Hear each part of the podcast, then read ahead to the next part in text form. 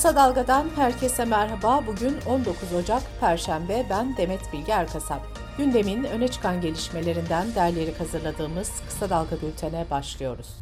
Cumhurbaşkanı Recep Tayyip Erdoğan seçim tarihini açıkladı. Adnan Menderes'in iktidara geldiği 14 Mayıs 1950 seçimlerini hatırlatan Erdoğan şu ifadeleri kullandı. Rahmetli Menderes 14 Mayıs'ta yeter söz milletin diyerek sandıktan ezici bir zaferle çıkmıştır. Milletimiz 73 yıl sonra aynı gün altılı masa diye karşımıza çıkan bu darbe şakşakçılarına, kifayetsiz muhtereslere yeter diyecektir. MHP lideri Bahçeli de önceki gün yaptığı açıklamada seçim tarihi konusunda Mayıs ayını işaret etmişti. Erdoğan'ın açıklamasına ilk yanıt Demokrat Parti'den geldi. Genel Başkanı Gültekin Uysal, Demokrat Parti olarak buradayız, yerli ve milli şefe karşı yeter söz milletindir diyeceğiz dedi. Deva Partisi sözcüsü İdris Şahin de Twitter'dan demokrasinin şerefi sandıktır 14 Mayıs hayırlı olsun mesajını paylaştı. Saadet Partisi Genel Başkan Yardımcısı ve Hukuk İşleri Başkanı Bülent Kaya ise yeter söz milletindir sözünün iktidarlara karşı söylendiğini belirterek şimdiki iktidara 2023'te yeter söz milletindir deme vakti ifadesini kullandı. HDP eş genel başkanı Pervin Buldan'ın kendi adayımızı çıkaracağız çıkışının ardından gözler kimin aday olacağına çevrilmişti. HDP'li Ahmet Türk'ten önemli açıklamalar geldi.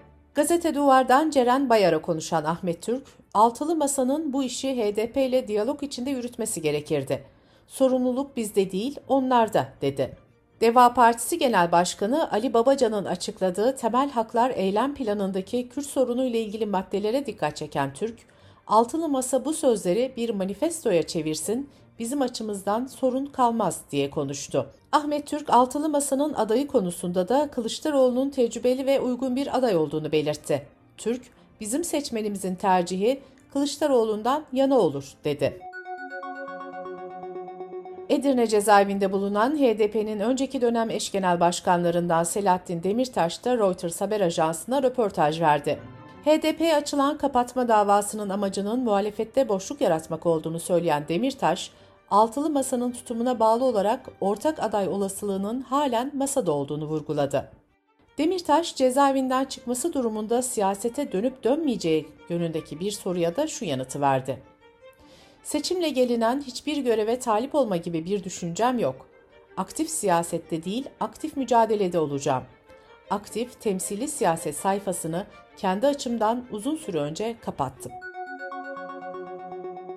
İyi Parti Genel Başkanı Meral Akşener de başörtüsü için AKP'nin hazırladığı anayasa teklifine ilişkin hodri meydan dedi. Cumhurbaşkanı Erdoğan'a seslenen Akşener, anayasa değişikliği ile ilgili kendi tekliflerinin de hazır olduğunu belirtti. CHP lideri Kemal Kılıçdaroğlu'nun katıldığı yayına Sadat reklamı alınması ile ilgili tartışma sürüyor. Sadat Başkanı Melih Tanrıverdi TV yüzü suçladı. Tanrıverdi şu açıklamayı yaptı. Kanal Kılıçdaroğlu çıkacağı zaman bizi aradı. Reklam vermek ister misiniz dedi. Madem ki kanal uygun görüyor biz de reklamı verdik. TV yüz ise Melih Tanrıverdi'yi yalanlayan bir açıklama yaptı. Açıklamada şu ifadeler yer aldı. Bu komplo siyasi tartışmalardan bilgisi olmayan, reklam sorumlumuzca fark edilememiş, alt bant reklam yayına girmişti. 56 saniyelik alt bant gösterimi için 5600 lira bedel belirlendi. Reklam fark edildiği an yayından alındı. Sadece 8 saniyelik kısmı kullanıldı. TV100 zaten bu bedeli tahsil etmedi ve reddetti. Kanal açıklamasında ayrıca Tanrıverdi hakkında suç duyurusunda bulunacaklarını da belirtti. Agos gazetesi genel yayın yönetmeni Hrant Dink'in katledilmesinin üzerinden 16 yıl geçti. Hrant Dink'i anmak için her yıl olduğu gibi bugün de saat 15'te Agos gazetesinin önünde anma töreni düzenlenecek. HDP milletvekili Garo Paylan, karanlıkla henüz yüzleşilmediğini belirterek herkesi Hrant Dink anmasında buluşmaya çağırdı.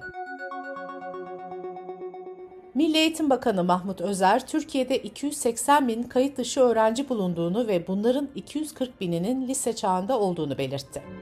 Bakan Özer, çocuklarını okula göndermeyen velilere para cezasının yasada bulunduğunu ancak hiç uygulanmadığını da söyledi. Habertürk yazarı Kübra Para konuşan Bakan Özer, ailelere ceza verilmemesini şöyle açıkladı. Valiliklerin bu cezayı vermesi gerekiyor. Biz okula gitmeyeni tespit edip oraya bildiriyoruz. Ceza kısmı milli eğitimle ilgili değil. Zaten çözüm tek başına para cezası da değil. Seçenekleri arttırmamız gerekiyor. Yaptığımız çalışmalarla bir yılda 1,5 milyona yakın öğrenci okul öncesi eğitime başladı. Köy okullarında 20 binin üzerinde çocuk anaokullarına gitmeye başladı. Brezilya polisi Tekirdağ'ın Marmara Ereğlisi ilçesindeki Martaş Limanı'na gitmek için bekleyen selüloz yüklü bir gemiye baskın yaptı. Gemide 290 kilo kokain ele geçirildi. 31 Temmuz 2022'de de Marmara Ereğlisi'ndeki bir limanda narkotik ekipleri yine Brezilya'dan çıkan bir kuru yük gemisinde 200 paket halinde 242 kilogram kokain ele geçirmişti. Kısa Dalga Bülten'de sırada ekonomi haberleri var. Emeklilikte yaşa takılanlar düzenlemesi henüz meclise gelmezken Çalışma ve Sosyal Güvenlik Bakanı Vedat Bilgin, milletvekillerimiz konuyu tartışıyor, onlar meclise götürecek biz değil. Top bizden çıktı dedi. Hazine ve Maliye Bakanı Nurettin Nebati de top hazineden de çıktı, biz her an her şeye hazırız diye konuştu. Bu arada CHP'li Veli Ağbaba ise EYT kanun tekliflerini meclise sundu. CHP'nin teklifinde EYT'yi bir günlük, bir haftalık, bir aylık farklı kaçıranları göz önüne alarak başlangıç tarihinin 31 Aralık 1999 olması istendi. Son bir yılda damacana suya %160 oranında zam geldi. Ekonomi gazetesinden Yener Karadeniz'in haberine göre geçen yıl bu zamanlarda 18 lira seviyesinde olan 19 litrelik damacana su fiyatları 50 liraya yaklaştı. Ambalajlı Su Üreticileri Derneği Başkanı Hüseyin Kara Mehmetoğlu zamlar yüzünden vatandaşların bir kısmının şebeke suyuna geri döndüğünü söyledi. Son zamanlarda apartman ve site aidatlarında faiz zamlar yapıldığına dair şikayetler arttı, hatta toplu eylemler başladı. Çevre, Şehircilik ve İklim Değişikliği Bakanlığı sitelere yönetim hizmeti veren şirketlere yönelik özel bir birim kurdu. Bu birim kat maliklerinin haklarının korunması amacıyla çalışmalar yapacak. Merkez Bankası bankalara ilettiği yazıyla düzenlemeleri dolaylı yoldan aşarak ticari kredi maliyetlerini artıran uygulamalara son vermelerini istedi. Yazıda uygulamalara devam edilmesi halinde aşırı ücretlendirmenin önlenmesi için ilave düzenlemelerin yapılabileceği uyarısı da yer aldı. Dış politika ve dünyadan gelişmelerle bültenimize devam ediyoruz. Afganistan'da Ağustos 2021'de kontrolü ele geçiren Taliban'dan kadınlara yeni bir yasak geldi.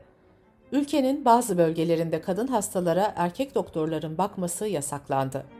Bu arada canlı yayına katılan bir Taliban yetkilisi de medyada çalışan kadınları hedef aldı. Kadın gazetecileri başörtüsü konusunda uyaran yetkili, Taliban'ın Afganistan'da medyayı kadınlara kapatmak için yeni bir karar alabileceğini söyledi. İran Dışişleri Bakanı Abdullahiyan ise Afganistan'da Taliban'ın kadınlara uyguladığı yasakları fazla bulurken ülkesinde kadınların özgür olduğunu savundu. İran'da kadınların sokakta başörtüsü takması zorunlu. Ayrıca kadınların tesettüre uygun olarak bol giyinmesi gerekiyor.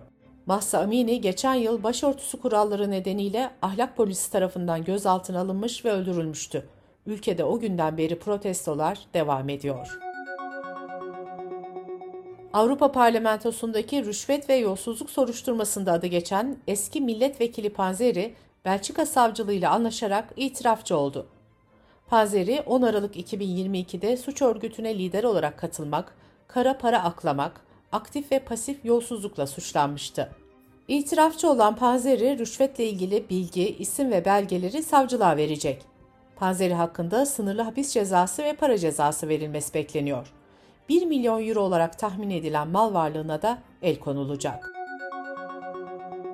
Japonya'da ülke nüfusunun azalmasına rağmen Tokyo nüfusunun artması hükümeti yeni bir adım atmaya zorladı. Buna göre hükümet Tokyo'dan başka şehirlere taşınacak olan ailelere 1 milyon Japon yeni ödeyecek. Bu miktar Türk lirası ile 144 milyon 387 bin lira yapıyor. Bültenimizi kısa dalgadan bir öneriyle bitiriyoruz. Sürdürülebilirlik uzmanı Ferdi Akarsu ve gazeteci Mehveş Evin Yeşil Dalga'da bu hafta kuraklığın boyutunu ve çözümlerini konuştu. Yeşil Dalga'yı kısa dalga.net adresimizden ve podcast platformlarından dinleyebilirsiniz. Gözünüz kulağınız bizde olsun. Kısa Dalga Medya.